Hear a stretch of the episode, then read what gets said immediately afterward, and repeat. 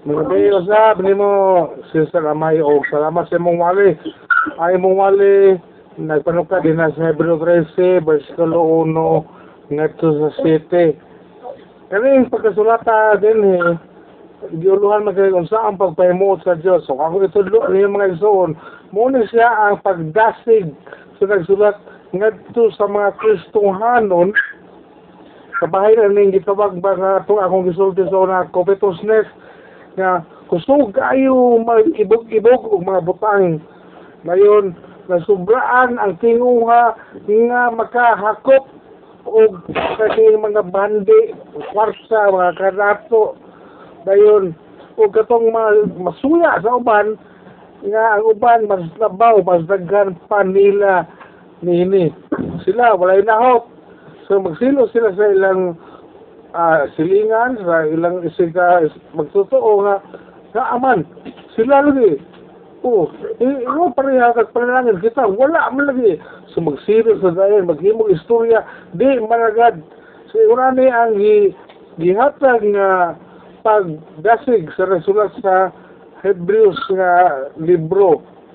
So nag, nag, nag-apelo sa gini sa sumada o unsay unod mga igsoon sa tanan nga mga saad sa Dios. Kabalo ka mo unsa na ang sumada o ang unod sa tanang saad sa Diyos. Para o, Hebreo 13, versikulo 5. Muna siya sumada sa akong itulog ninyo. Muna siya ang realidad sa atong kinabuhi. Dili kung kayo kamo biyaan o taligdan. Sulat di angay ka hadlok mga isuon. O giuna kayo pag, pagsulat din eh, na usa pagpahimot sa Diyos sa versikulo 1, mayon kayo din nga palayo na ang iyong paghigugmay, ingon nga mga igsuon diha kang Kristo. No, let the love of believers continue. Kaya ngatso ngatso ano ito mga kalaki mga ni mga siya-suya na gayon, dili na dahil na ito ma magdayon ang paghigugma sa itong isig ka magtotoo. Mula nga daghang suya-suya sa simbahan, daghang mga istorya nga manggawas nga nagdaot sa iyang isig ka magtotoo o gitagano dako kayo nga kini dako kayo gibugaton mga igsoon ang kini na sa bersikulo 4 kung imo basaho nga sa bersikulo 4 o angay pasidunggan sa tanan ang kaminyoon kinahanglan dili malibon ang bana o ang asawa kay hukman sa Dios kadtong maki, uh, makihilawason ug ang manapaw. Ganong na-mention man mga igsuon kay gusto sa nagsulat nining libro sa Hebrews nga i-respect no? Angay pasidungan ni honor ang kami niyoon naghana sa atong ang katilingban karon nga nagtabok-tabok kita ba mo ng mga hulmigas hindi kuman og magtagbo na niya kiss sunod magkis mo, ato na po sa unahan, mo kiss na po. Murag hulmigas. So, gibalik po na siya, pairamdam ni Pedro dito sa sulat mga isuon. Una Pedro, 3. No, kani gi, gigahinan gi ni Pedro ba? Una 3, versikulo 1, ngadto sa 5. Di, hilata dito ang mga asawa, ang mga banda. Nga, ang mga asawa, kinahanglan magpasilugtanon sa ilang mga bana. Dili kay mga bana, ang bana na noon ang mahimong magpasilugtanon sa ilang asawa. So, daghan po nga mga iunani nga itong nabusiharbahan sa katilingban, no? Yes, die. Yes, die. Oh, ang, ang, ang bana naman noon may under. Unya, kay daghan pa din yung mga isuon pag kani pagpanindot sa pagbuhok. Oh, kanina nga Galag-lag pa. Amo ang nakuha itong si Sis Joy nga. Nindot mo nga trabaho ni Sis Joy kay iguan mo na siya aning mga pagwapa o daghan sa mga nahimong mga kliyente nga kay pagwapa wala akong tarong itom sa ilok dayon sa pato karong kilay dayon kaning katong sa nes na pod so makalingaw siya ba nga muna yung trabaho kay gusto ang mga tao ang mga babae, labi na kani mga magpaanyag. No, naagay sa itong Facebook nga maula mo butang atong yang naong sa iyang profile nga naay bugas. Iyan yung parason ang bugas sa face up. Kinahanglan. Gwapag sa tanaw dito. Kunya kay inig eyeball nila. Kaya ingon ay puro yung buyag po ni mong dagway. Di man maoni na sa iyong profile. Sa ulawan. So, ang pagpaanyag, ang matod pa ni, ni Pedro sa sulat nga, ang pagkahod na ginoo, mo ang pagsalig sa ginoo, igo na ka na. Dahil yan na pong gilakbit ni Pedro nga, ang mga bata usab nga, ilon nato ang mga kahuyang sa itong asawa. Dili kay kani huyang ni kong asawa, kung tahaw na ko ni higayon nga hubog ko. Saman, di ka muluto, og lami sudan. Ah, dabudabuhan si Mrs. So si Mrs. mo kay Barter man, ah, magsingir na pag iyak dito sa kilid. Kung giingon din na nga, ka kini, anong walay, makababag sa inyong mga pag-ampo. Kanina yung mga banda nga, uh, gilula ka silang asawa. Kani mga banda nga ang asawa, kanunay lang ang gipaiyak. Dili dunggon sa Diyos ang mga pag-ampo. So, patas lang. So, kinahanglan na atong alimahan, no? Alimahan niyo si Pablo, alimahay ang inyong kung higugma yung asawa sa mga gahigugma ka mo sa inyong lawas. So, muta, mutabok kita atong ipadayon.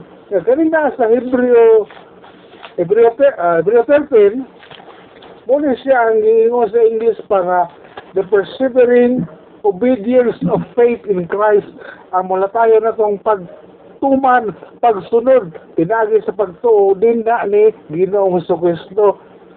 So, kinahanglan masayon, makibalo kita mo, una-una sa mga kasakit nga niabot ka na to tungod sa atong mga malisyoso nga mga nahuna.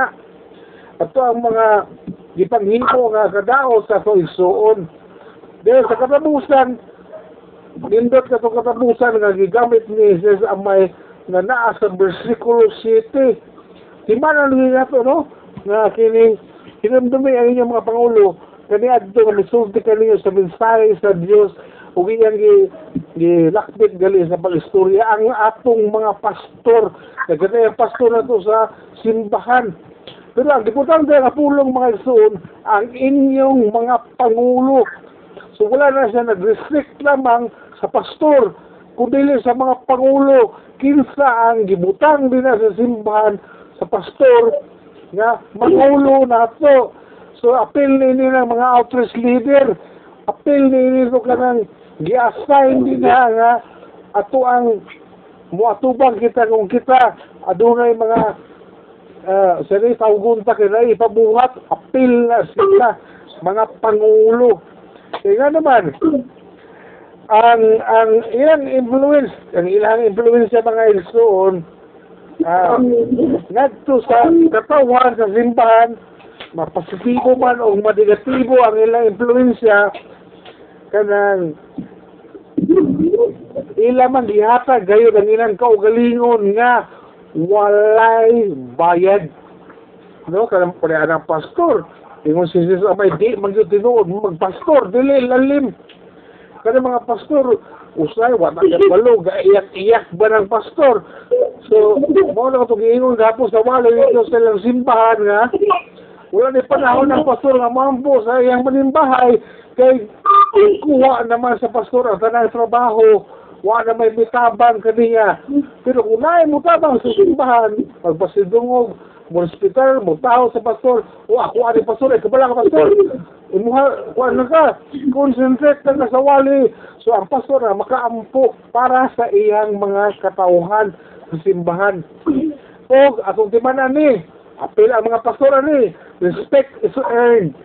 Ang kaning pagtahod, ang res pagrespetar sa katauhan, earn na siya, di na siya i-demand. Huy, i-respect ko ninyo. Huy, tahod mo na ko, dili na na earn na siya. Imo ginang nakuha, gikan sa imong katauhan.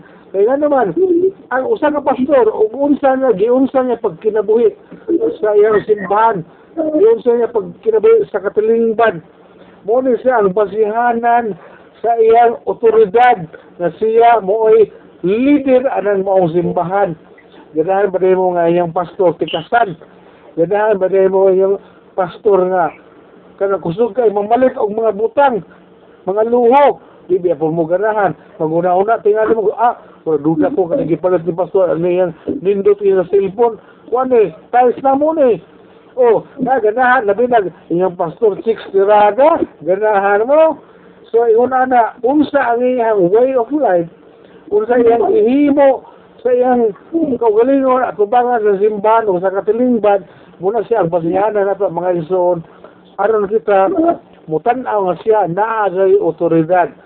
So nakasabot ang tanan mga ison.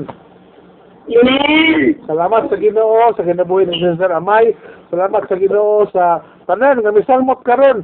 Salamat po sa Ginoo nga may tubag tong duha kanina nga akong gihanilo sa simbahan. Salamat karon no si Sir Rosel o si si Sir Rosel. Nakatulog si Sir. Anak ko si Sister Joy. Nakatulog siya na sa number ni Hatag. Ah, sige. Si Sister Joy, anak, ugma na lang. Hallelujah. Salamat sa Ginoo sa atong adlaw-adlaw magabion nga activity. Maano na rin sila kadugayan.